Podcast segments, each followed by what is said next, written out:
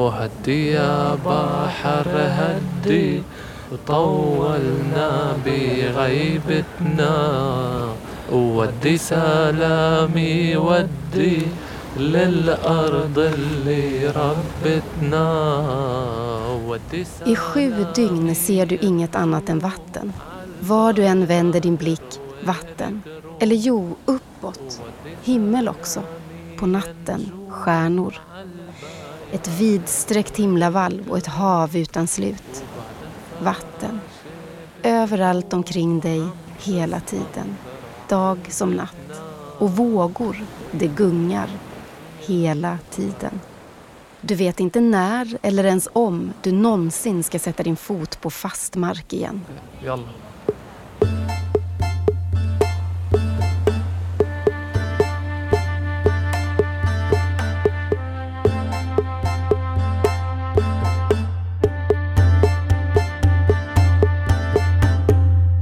Amnesty presenterar Varje gång tror jag att det är slut. En podcastserie om varför människor tvingas fly från sina hemländer och hur en flykt kan se ut. I tre avsnitt berättar Jihad Eshmawi om sin flykt från Syrien, ankomsten till Sverige och det nya livet i Göteborg. Andra delen, flykten. Hela folket på hela sju dagar i havet, de pratar bara om vilket land är bra och passar bra för flyktingar. Och vilket land ska vara bra, vara, eh, liksom, ge rättigheter och ge eh, jämställdhet och, och så här eh, bra situation för flyktingar. Så, men för mig, jag trodde att eh, Sverige ska bli bra, eller Holland. Efter åtta månader i ett flyktingläger i Syriens huvudstad Damaskus flyr Jihad tillsammans med sin mamma och sina tre bröder. De har inget specifikt slutmål men vill ta sig till norra Europa och har beslutat sig för att göra havets resa. Den över Medelhavet på överfulla, rangliga fiskebåtar som tagit tusentals människors liv. Jihad har sparat det mesta av sin lön han fått för sitt arbete på FN under tre år. Familjen har sålt nästan allt de äger och lägger nu alla sina pengar på flykten. I augusti 2013 flyger de till Kairo, Egypten, för det är den enda staden som är möjlig att flyga till från Syrien. Men också för att Jihad har en kompis som väntar i den egyptiska staden Alexandria. Eftersom de är statslösa palestinier får de inte resa ut ur Syrien men genom att ge en säkerhetsvakt på flygplatsen i Damaskus 4 000 dollar mot att han inte kollar familjens papper kommer de ombord på planet. I Kairo har de tur och lyckats nästla sig igenom passkontrollen tack vare ett sällskap från Saudiarabien som de låtsas tillhöra. De är på väg. Vi stannade i Kairo fyra dagar och eh, flyttade till Alexandria eftersom jag hade en kompis där och eh, han väntade på mig för att eh, göra havets resa tillsammans. Och han har eh, förberett allt. Han har alla kontakter där. Rapporterar medierna om att det är väldigt många som dör på vägen eller att det är farligt och så? Vet man om det? Ja, visst, man vet allt. Nu, nu i tiden finns det Facebook, finns det Youtube, finns det media över hela världen. Och speciellt om man vill eh, ha hans liv på det här båt, man ska söka mycket innan han reser med det här båten. Så vi kände allt om den här resan innan vi reser, absolut. Är det lätt eller svårt att få tag på någon som, som kan fixa en båt? Eh, nej, det är inte lätt. Det är jättesvårt. Eftersom de är rädda från polisen. De är rädda att någon flyktingar kan koppla med, med polisen och och det är jättesvårt att hitta någon som kan fixa resa för dig. Och finns det också mycket gängar som ljuger på dig som flykting. Och finns det ingen garantier för det här pengar. För mig, jag hade tur att uh, min kompis fixade allt innan jag kommer. Eftersom han hade, han hade ett år i Egypten, han, han nästan känner alla som var där och som jobbar med det här och hela historier från andra människor. Alla som flyr från Syrien, som kommer till Sverige, beviljas skydd och permanent uppehållstillstånd. Om de lyckas ta sig hit. Det finns inga lagliga vägar in i EU för den som vill söka asyl. Därför måste människor resa hit via livsfarliga rutter med hjälp av så kallade människosmugglare som tar betalt. Hittills i år har över 100 000 personer riskerat sina liv på Medelhavet för att ta sig till Europa. För människor vill leva och därför kommer människor alltid att röra på sig. Jihads äldsta bror åkte först. Han klarade båtresan över Medelhavet och lyckades ta sig till Tyskland innan han upptäcktes av polisen. I EU är det Dublinförordningen som avgör i vilket land människor på flykt ska söka asyl. Personer från länder utanför EU ska enligt förordningen söka asyl i det första land i EU som de anländer till. För att ingen ska kunna söka asyl i något annat land måste alla personer som är över 14 år lämna ett fingeravtryck som lagras i en databas som EU-länderna och Island, Norge, Liechtenstein och Schweiz har gemensamt. Eftersom Jihads bror togs av tysk polis hamnade hans asylärende och fingeravtryck i det tyska migrationssystemet. Han har idag uppehållstillstånd och bor i Hamburg. Tio dagar var han till havs på sin resa till Europa och sa till Jihad, åk inte, ta inte vägen över havet, det är för farligt. Ja, så du, du, du, är, du är fortfarande lever nu, så vi har chans att få leva efter den här resan. Så vi är också unga och vi kan uh, ta den här resan. Så jag trodde att det inte är så mycket farligt, inte så mycket hemskt. Så jag trodde okej, okay, vi kan klara det här. Men hur detaljerat berättade din bror om sin resa? Berättade han exakt allt som hände och så eller liksom? Ja, men åttan eh, vad, vad han kände i resan. Inge, han berättade inte om några Nej. känslor, eller? Nej, han berättade att det var jättesjukt svårt. Eh, du måste ta med dig mediciner, du måste ta med dig mat och rent vatten för att klara den här resan. Och det var sant. Vatten var viktig, viktigaste. Jihad minns att de tog med sig exakt 12 stycken stora vattenflaskor. Det var han som bar dem när de först sprang, sen simmade. Det var jättetungt. Men flaskorna var viktiga, inte bara för sitt innehåll utan också för att de flyter när de är tomma. Men jag trodde också att det är bra att hämta de här flaskor eftersom vi kan, om eh, det hänt något, slänga vatten i flaskor och ha flaskor som eh, en grej att simma med, att hjälpa att simma med, med det här luft i flaskor. Så Jaha, flaskorna som ett slags eh, flytväst eller någonting Precis. som... Ah, som okay. kan hjälpa att uh, få, få överleva. Eftersom om du är trött att simma eller för min uh, broder som kan inte simma. Som, så det kan hjälpa dem. Och uh, vi, vi har med mycket fiskar med oss. En stor påse med mat, rossini.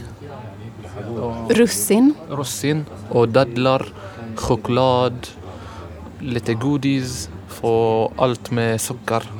Eftersom jag hörde att eh, ni ska behöva socker under det här sju till tio dagar i havet.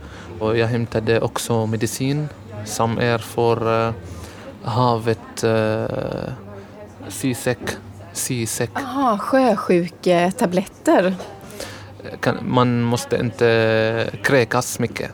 Och jag hämtade också grejer för att eh, första hjälp eftersom jag är van att vara första hjälpman.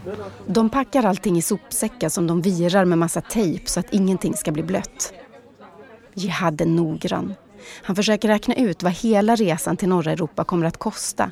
Packar in alla kontanter i plast och tejp och syr fast dem i byxfickan så att ingen ska kunna ta dem när han sover. En rakkniv är också viktig. Det kan man använda också som en bra grej att eh, äta med eller skära frukt eller grönsaker. Så jag hämtade det här med mig.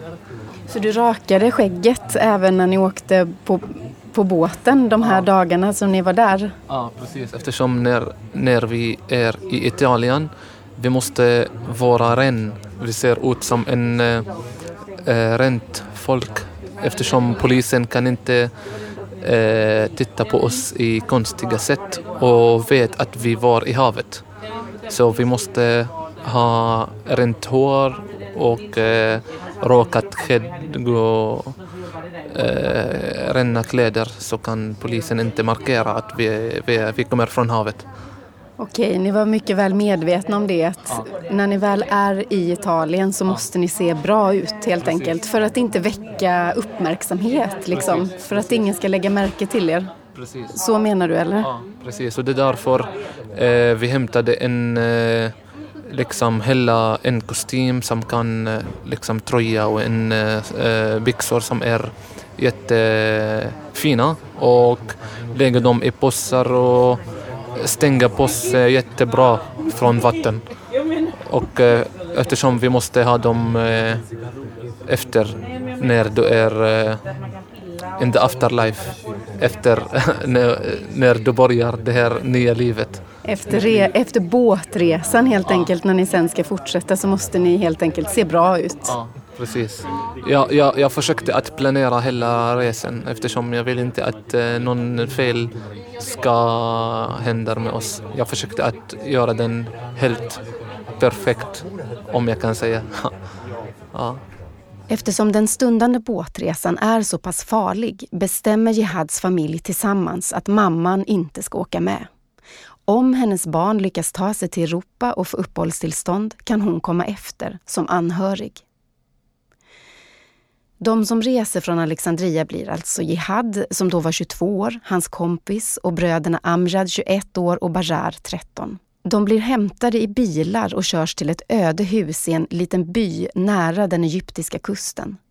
Flera människor på flykt ansluter, snart är de ungefär hundra stycken. Jihad ser att överallt i den här lilla byn odlas det hash. I fem dygn väntar de där, i huset som bara har väggarna kvar.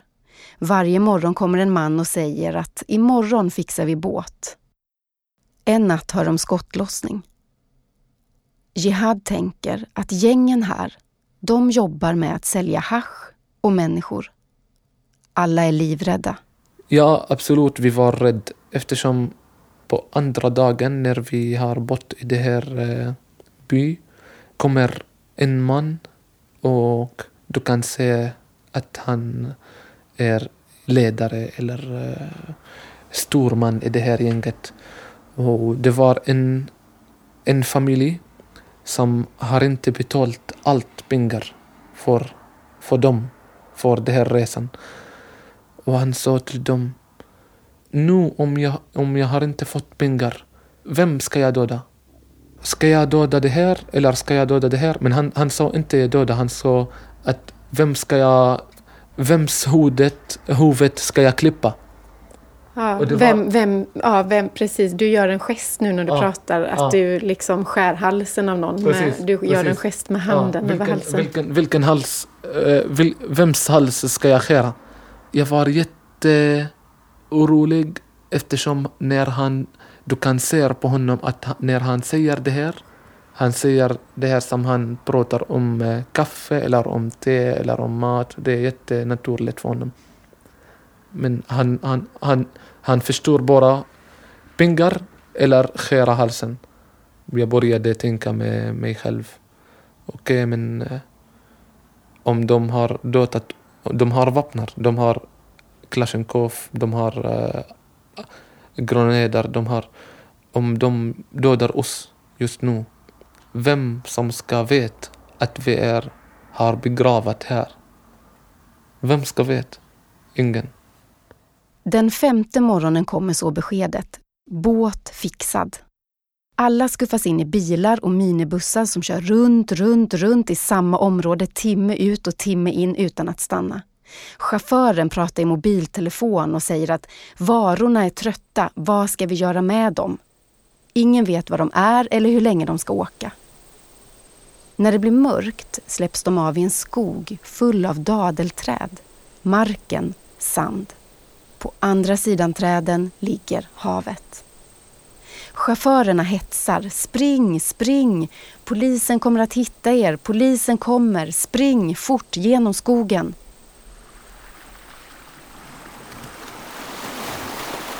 På stranden väntar ännu fler människor. Nu är de ungefär 180 personer från olika länder i Afrika och Mellanöstern som ska ta sig över Medelhavet till Europa. 100 meter ut i vattnet ser Jihad fem små motorbåtar. Och eh, vi började sprang till eh, de här båtarna i havet. Och när det, det, var min första steg i vatten, jag började tänka att finns det ingen tillbaka nu? Res, resan har börjat. Du måste springa och vara stark. Luften är varm, vattnet kallt. Ute vid båtarna bottnar Jihad precis, bara huvudet sticker upp ovanför ytan. Många andra varken bottnar eller kan simma. Så Jihad hjälper alla upp på båten, lyfter dem över kanten. Och jag nästan ska hälla mitt huvud vara i vatten. Men jag var som lungaste i den här gruppen så jag måste försöka be, bära alla med mig till båten eftersom också båten är liksom en meter, en meter över vatten. Så jag måste hjälpa alla, jag och min kompis, att vara på båten. Och eh, när jag luftade det här liksom eh, 15-20 personer, jag kommer inte ihåg. Jag var bara sjukt trött. Jag kan inte bara röra mitt, min hand. Då eh, började de bara i båten, här. de, de eh, hörde inte mig. De bara frågar om andra. De, min bror liksom frågar om min lillebror. Vad är han? Eh, min kompis eh, tittar efter hans lillebror också. Det här tittar efter hans pengar. Det här tittar efter hans mat.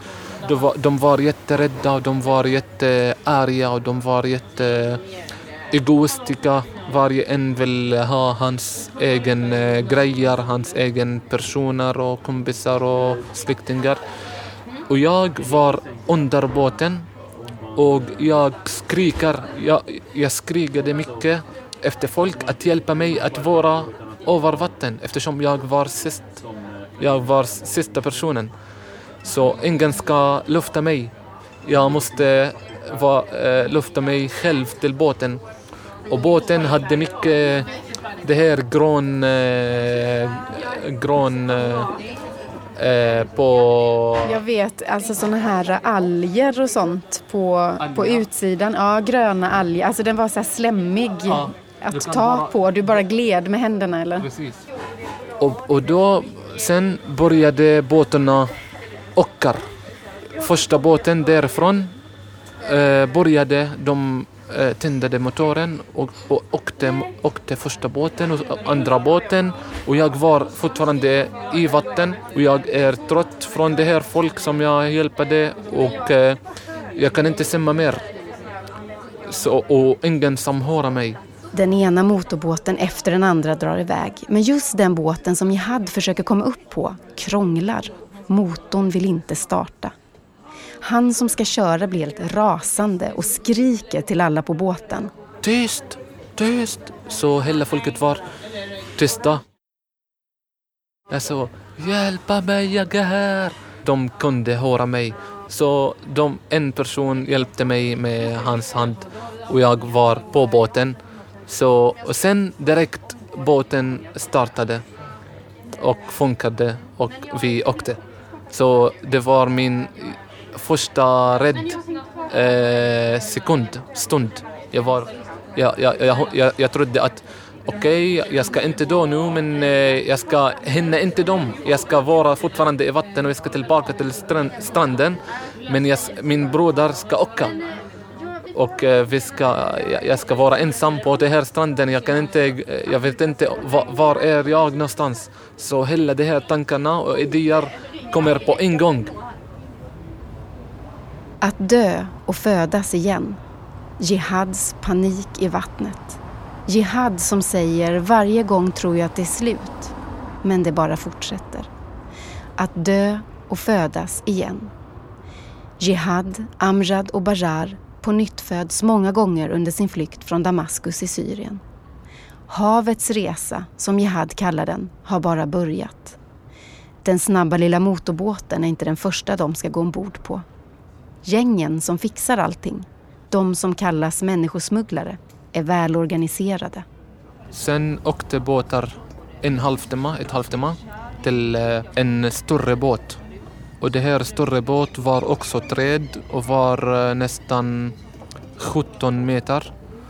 Av, av trä, sa du det? Ja, trä också. Och eh, det var jättegammal båt och det gick långsamt. Men det var större och vi måste samlas allt, alla på den båten.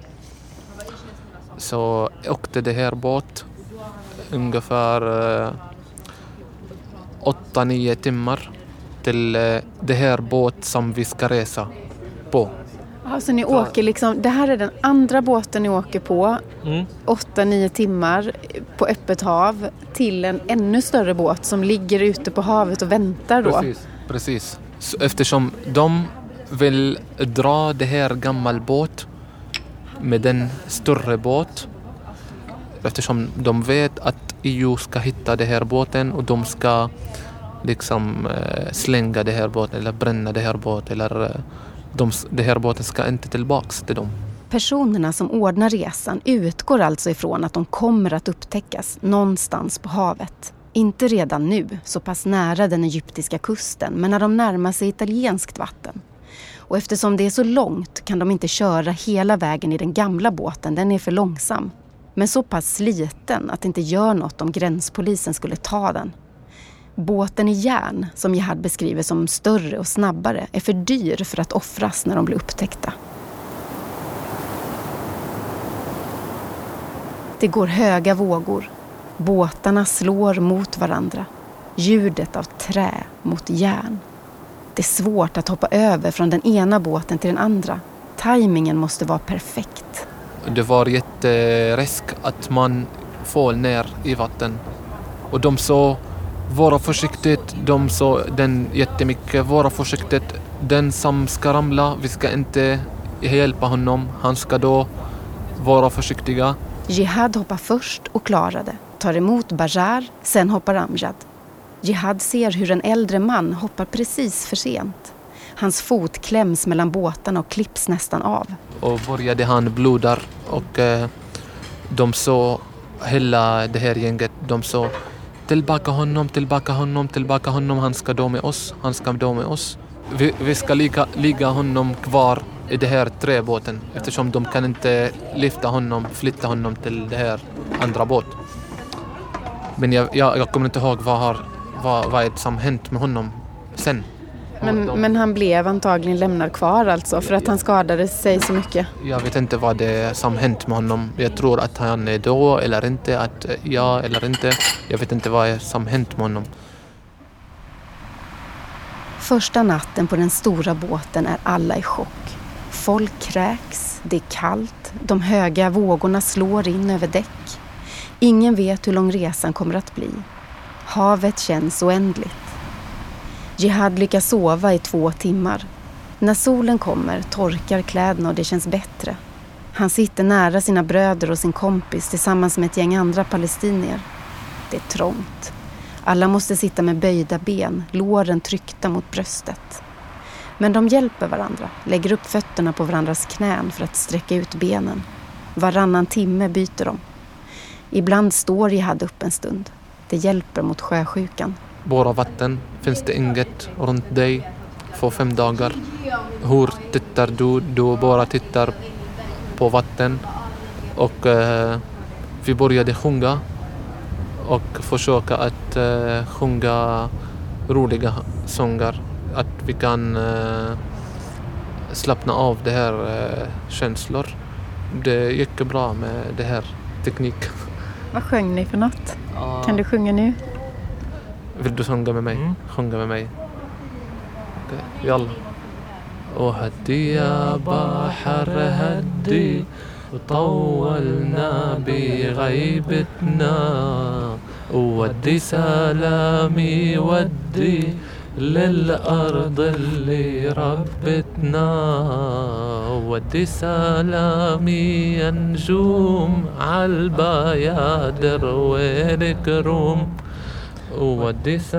eh, havet vara lugna ner dig och ta mina hälsningar till mina släktingar och mina kära vänner. Vi ska tillbaka till hemland med dig. Vi ska tillbaka till vårt hemland med dig, du havet. Lugna ner dig. ja. Och vad pratar ni om de här dagarna? Ja, vi... Historier, roliga historier i gymnasiet, liksom eh, vänner, eh, händelser i Jarmok, eh, drömmar, vad ska vi göra i EU, vad ska vi göra i Sverige, vad ska vi göra liksom där, vad ska vi jobba, vad ska vi... Ja, hur, hur människor lever där, hur människor lever i vårt hemland. Så här grejer mycket.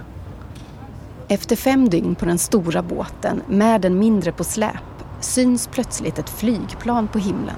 Det dyker ner mot båten, sen snabbt upp igen och iväg. Så hela personer som var jobbade på den här eh, båten, de samlade oss jättesnabbt och började kasta våra saker på andra båt, på den här eh, träbåten som de drog efter. Vi började också hoppa på den här båten och eh, eh, den här stora båten har gått jättesnabbt därifrån. De som arrangerat resan har nu gjort sitt. De drar och räknar med att nu kommer italiensk kustbevakning eller någon annan att hitta Jihad Amjad Bajar och de andra 180 personerna som trängs på den lilla fiskebåten. Kvar lämnar de en ung kille, Jihad tror att han är kanske 19 år, som själv ska ansvara för allting resten av färden. Han vet inte hur man kör en båt. Han har hjälpt människosmugglarna för att själv kunna ta sig till Europa och söka asyl. Och det här eh, ung person började också gråta och så det är mycket ansvar på mig, det är mycket ansvar på mig. Jag, jag, jag vet inte vad ska jag göra om det här eh, båten ska ligga på vatten bara utan det här motor. Ni måste hjälpa mig och ni måste säga att jag från Damaskus, jag från Syrien, jag eh, är inte från Egypten, jag jobbar inte med dem. Försöka få, alla flyktingar i båten. Och han hade en familj som är, eh, ska ta honom som en barn med dem. Men han var inte så bra att köra båt. Så eh, vi som var liksom aktiva på båten måste köra det här. Och vi hittade en lite alla mobiler funkade inte, funkade inte i det här havet. Men vi försökte med en jätteliten mobil och den här mobilen funkade, GPS. Så vi följde lite triangel på det här GPS till Italien. Efter tio timmar på träbåten är bensinen snart slut. Ingen har en aning om hur långt det är kvar till Italien. Men så syns något långt borta på vattnet. En liten prick som blir till ett stort fartyg. Nato. Sen de kommer det här Nato stor båt och eh, började säga att eh, vi ska hjälpa er, ge oss barn först. Vi stannade med dem en dag med det här Nato. Sen de eh, lämnade oss till Italien polis i havet också. Och och det tog också en dag med Italiens polis till Sicilia, till Porto, Portopalo, hamnen. I hamnen i Portopalo på Sicilien sätter Jihad, Amjad och Bajar sina fötter på fast mark igen. Det gungar och de måste kräkas. Det tar några timmar för kroppen att vänja sig. Jihad skrattar när han berättar det här. En minnesbild är extra tydlig. Byxorna var helt mixad med salt från havet, vatten. Så det var jättesvårt att ta av de här byxorna. De är som sten, de kan stå på golvet. Så de var tre byxor stor eh, i hamnen nära båtar från salt. De kan inte göra ihop dem. Byx tre par byxor som stod upp av sig själva på gatan i hamnen. Precis. För att de var så hårda eller stela av allt ja, saltvatten. Också. De luktar jätteäckliga. Det tar aldrig slut. Det är inte över. Jihad, Amjad och Bajar har lyckats ta sig till Europa. Men resan måste fortsätta norrut. I tyska Hamburg finns deras storebror och inte så långt därifrån ligger Sverige. Landet som storebrorsan rekommenderar. I Porto Palos hamn tar Röda Korset emot och kör alla till ett hjälpcenter i staden Siracusa. Där duschar Jihad och bröderna, tar på sig nya rena kläder och försöker sova.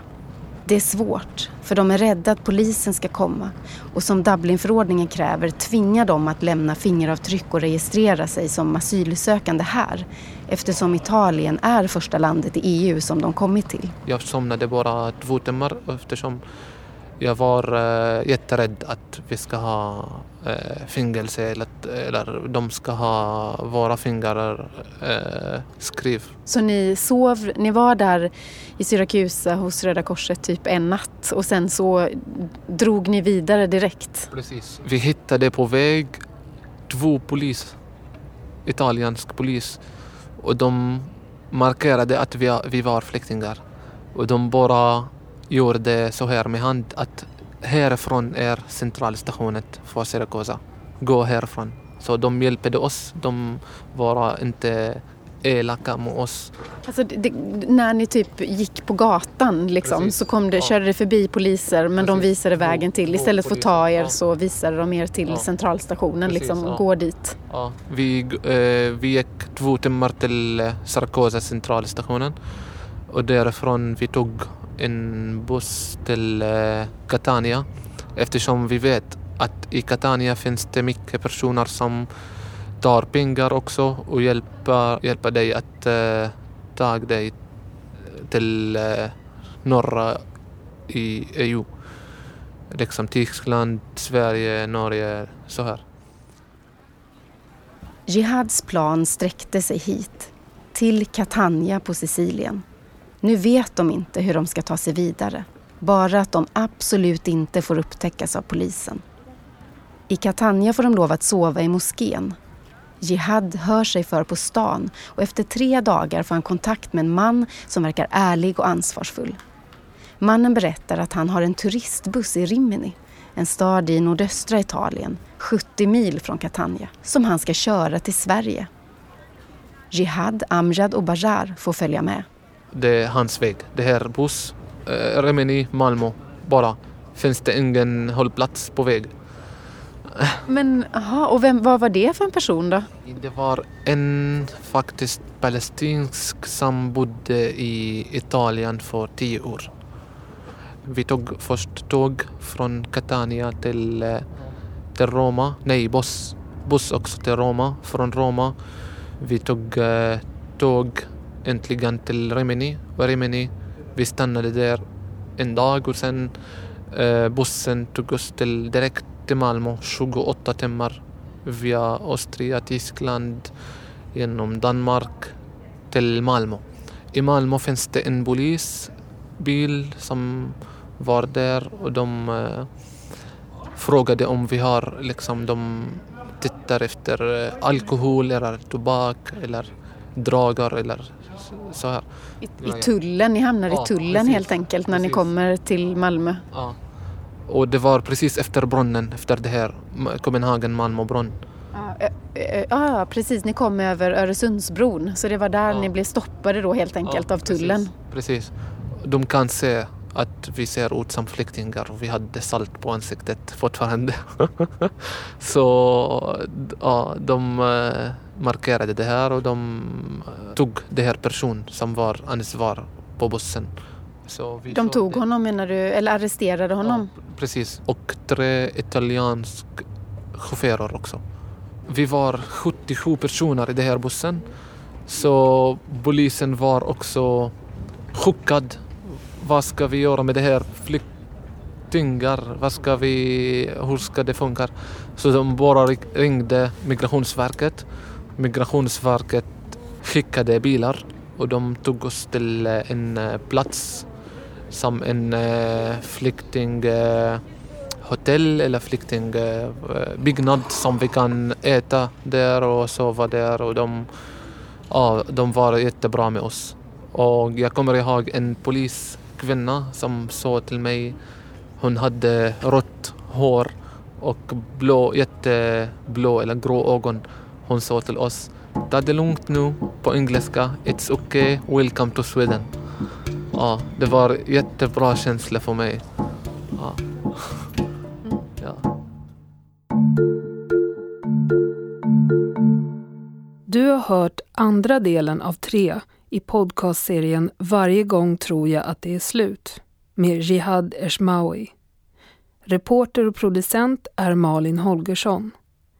Serien görs av produktionsbolaget Filt Hinterland för Amnesty.